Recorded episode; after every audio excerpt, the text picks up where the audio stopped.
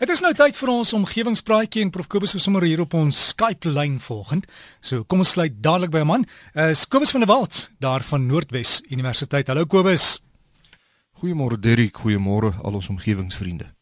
Nou die van julle wat verlede week geluister het, sal onthou dat mevrou Karin van Wyk vir ons vertel het van haar man se bokkompie wat as 'n weervoorspeller optree en dis nou 'n gedroogde visie wat aan 'n nylon toutjie hang en dan draai hy sy neus in die rigting waarvan dan die reën kom nog lank voordat dit begin reën en as dit droogte is dan draai hy sy neus in die ander rigting. En ek het toe nou gevra dat ons Weskus mense asseblief vir ons laat weet of dit nou wel waar is en hoe dit werk. Nou twee omgewingsvriende het vir my geskryf daaroor. Ehm um, en die eerste ene is meneer Oswald de Villiers en hy skryf dat sy pa wat 'n oud Kaapenaar was in Bethlehem distrik geboer het. Hy sê as kind onthou hy die bokkom wat aan 'n gare draadjie gehang het en wat die weersveranderings uh aangedui het deur van rigting te verander uit sy neus aan 'n ander rigting gedraai. Nou sy verklaring vir die draaibewegings is dat omdat die bokkom so 'n hoë soutinhoud het, dit baie vog absorbeer na gelang van die hoeveelheid vog in die lug met die gevolg dat dit effens swaarder word in vogtige weer as in droë weer. En hierdie toename in gewig tydens vogtige weer laat die gare draadjie wat uit 'n klompie dunner draadjies wat nou saam opgewen is bestaan effens rek. En die garing draadjie wen daarom effens op en af, baie soos 'n woer-woer wat getrek word. Meneer De Villiers sê of hierdie weervoorspeller vir Hoëveld se donderstorms nou ook gewerk het, kan hy nie onthou nie. Maar hy kan wel baie goed onthou dat die bokkom nie altyd in dieselfde rigting gewys het nie. En die tweede omgewingsvriend wat oor bokkoms geskryf het, het my iets geleer en dit is dat plastiek wel water kan absorbeer. Ek het dit nooit geweet nie. Meneer Rebus Boshoff skryf dat na sy beste wete nylon wel heelwat vog kan absorbeer en dat hierdie geabsorbeerde water 'n wesentlike invloed op die fisiese en chemiese eienskappe van die nylon het. Nou ek het toe bietjie gaan kyk op die internet en meneer Boshoff is heeltemal reg. Nylon kan wel water absorbeer en dit verander die eienskappe van die nylon effens wat beteken dat veranderinge in die voggehalte in die lug moontlik mevrou van Wyk se bokkompie kan laat draai aan sy nylon toutjie. Baie dankie aan die twee omgewingsvriende vir hulle wysheid, maar ek dink dat hierdie gedroogde visie nog lank nie in die bed gesit is nie. So ek vra dus weer dat veral van ons ouer mense asseblief vir my sal skryf en vir ons sal vertel of dit wel waar is dat 'n bokkom reën kan voorspel en hoe dit werk. Dan omgewingsvriende, het ek ook reaksie gekry oor die grondswamme wat ek verlede week oor gesels het. Eerstens het meneer Peer Jacobs geskryf en hy sê hy was in die laat 70er jare in die landbouskool Brits wat vandag die hoërskool Wagpos is. Hy sê hulle het destyds hoofsaaklik tabak en koring verbou, maar hulle het toe reeds al begin om te plant sonder om te ploeg wat beteken dat die voordele van lae bewerking boerderymetodes toe alreeds aan sy onderwysers bekend was. Dr Philip Tennyson wat deeltyds in die distrik Bethlehem boer en wat 'n oud pik is, het ook vir my geskryf en hy sê hy is reeds 3 jaar lank 'n no-till of dan 'n geen bewerking boer. Hy het homself vooraf deeglik vergewis van al die omgewingsvoordele wat geen bewerking inhou, maar hy sê as deeltydse boer lê die grootste voordeel vir hom van geen bewerking daarin dat hy geweldig tyd spaar omdat hy nou minder tyd op die lande hoef deur te bring. En hy sê omdat jy minder bewerkings doen, spaar jy uiteraard ook aan brandstofkoste en hoe minder brandstof jy gebruik, hoe minder impak het dit op op die omgewing. Hy sê hy plant uh sogenaamde Roundup Ready cultivars wat bestand is teen glifosaat, onkruiddoder en hierdie middel maak al die ongewenste plante dood terwyl die mielie of die soja dan nou geen effek toon nie.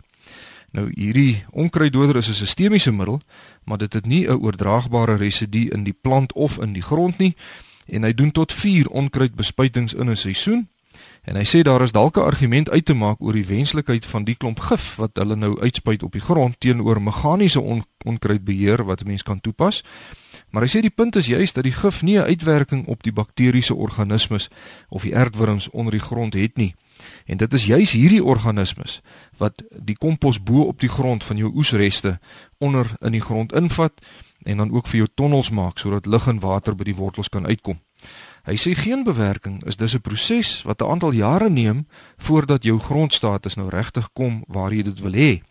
maar hy sê dis uit en uit die moeite werd. Dr Tennyson is 'n rekenmeester en ook 'n landbouekonoom en hy het vir my 'n paar dieselverbruiksyfers eh, gestuur om te wys waarom lae bewerking of geen bewerkingsmetodes beter is as die tradisionele wyse van intensiewe bewerking. As mens op die ou tydse manier boer, met ander woorde jy dus, ploeg, plant en skoffel, dan is jou dieselverbruik 41 liter per hektaar. Met meer moderne tandbewerkings, met ander woorde dieptand, vlaktand, plant en spuit, gebruik jy 49 liter per hektaar. Vergelyk dit nou met geen bewerking, met ander woorde slegs spuit en plant, dan daal jou dieselverbruik van 49 liter per hektaar na net 16 liter per hektaar. So mens kan sien dat geen bewerking boerderymetodes net aan dieselbesparing reeds 'n groot voorsprong bied bo kan tradisionele boerderymetodes. Dr Tenison sê dat sy belegging in werktye ook minder as die helfte is as wat nodig sou gewees het vir tradisionele bewerkingsmetodes. Baie dankie Dr Philip Tenison van Bethlehem vir u interessante en leersame brief. Dan Dirk, sluit ek graag af met 'n navraag wat ek van een van my kollegas hier op die pik ontvang het en dit is Karike Klasen wat ekonomie doseer. Sy sê 'n student het in een van haar klasse genoem dat die gebruik van plastiek waterbottels meer omgewingsvriendelik is as die gebruik van glasbottels. Sy sê sy was altyd onder die indruk dat dit andersom is, dat glas makliker herwinbaar is as plastiek. Baie dankie Karike vir jou vraag. En sê asseblief vir daardie student wat hierdie uitstekende opmerking in jou klas gemaak het dat ek dink daar lê 'n groot toekoms vir hom of vir haar voor. Want as mens kyk na hersirkulering van verskillende tipes materiale, dan is aluminium die maklikste en die mees energie-effektiewe materiaal om te hersirkuleer. By hersirkulering word dit bloot gesmelt en weer gegiet in die vorm wat jy dit wil hê. In sulke gehersirkuleerde aluminium verg 95% minder energie as wat dit sou neem om nuwe aluminium uit erts uit te maak. Wat beteken dat die energie wat 'n mens spaar deur 'n enkele koeldrankblikkie te hersirkuleer genoeg is om 'n TV-stel vir 3 ure te laat werk. As mens na papier kyk, as mens papier hersirkuleer, spaar jy nie net energie nie, maar ook bome en jy het dus 'n positiewe invloed op die koolstofdioksied konsentrasie in die atmosfeer uh, benewens die feit dat jy dit nou hersirkuleer. En gehersirkuleerde papier gee vir ons 'n 60% energiebesparing in vergelyking met die vervaardiging van nuwe papier. En 'n mens gebruik boonop slegs die helfte soveel water. Nou kom ons by die twee materiale wat ons slim student van melding gemaak het in die klas en dit is plastiek en glas. 'n Mens kry sewe verskillende soorte plastiek en hulle eienskappe verskil van mekaar, maar oor die algemeen kan ons aanneem dat 'n mens omtrent 90% energie spaar deur plastiek te hersirkuleer teenoor om nuwe plastiek uit rou materiale te vervaardig. As ons dit nou met glas vergelyk, dan is dit so dat glas se hersirkulering minder effektief is as ander materiale sin vanweë die redelik intensiewe prosesering wat nodig is. As mens glas hersirkuleer, spaar jy slegs omtrent 30% van die energie in vergeleke met die vervaardiging van nuwe glas uit rou materiale. Maar die verskil is daarin geleë dat glas oor en oor gebruik kan word en dan spaar mens natuurlik 100% van die energie. Ons hier in die huis het al etlike jare lank 'n glasbottel in die yskas waarin ons ons drinkwater hou. So glas bied die moontlikheid dat mens die houers vir jare lank kan gebruik voordat dit gehersirkuleer hoef te word. Nou iets interessants wat ek raak gelees het is dat as mens 'n bottel buite in die natuur gooi, dis nou 'n glasbottel, dit na raming 1 miljoen jaar lank sal neem om te vergaan as dit nou nie deur haal of klippe stukkend geslaan word nie. Om dit saam te vat, ons pikstudent was heeltemal reg toe hy of sy beweer het dat dit meer energie-effektief is om plastiek te hersirkuleer as glas. En as mens nou boonop daarby voeg dat omtrent 45% van plastiekbottels in Suid-Afrika gehersirkuleer word teenoor net 40% van die glas, dan lyk dit wel of plastiek waterbotteltjies 'n laer omgewingsinvloed het as glasbottels, maar dan moet ons nie vergeet daarvan dat mens glas oor en oor kan gebruik nie. So die sommetjie is nie heeltemal so eenvoudig nie. Maar baie dankie Karike Klasen van die skool vir ekonomie aan die Noordwes Universiteit vir daardie interessante vraag. En daarmee sluit ek af vir oggend. Skryf gerus vir my.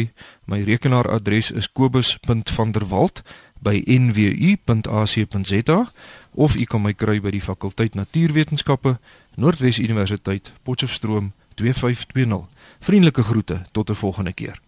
Kobus baie dankie. Dis Kobus van der Walden. Ons ons moet met hom gesels hier op Skype vanmôre en daai e-posadres vir Kobus, is Kobus met 'n K, né? Kobus. Punt, Van der Walt skryf jy aan mekaar se Kobus.vanderwalt by nwu.ac.za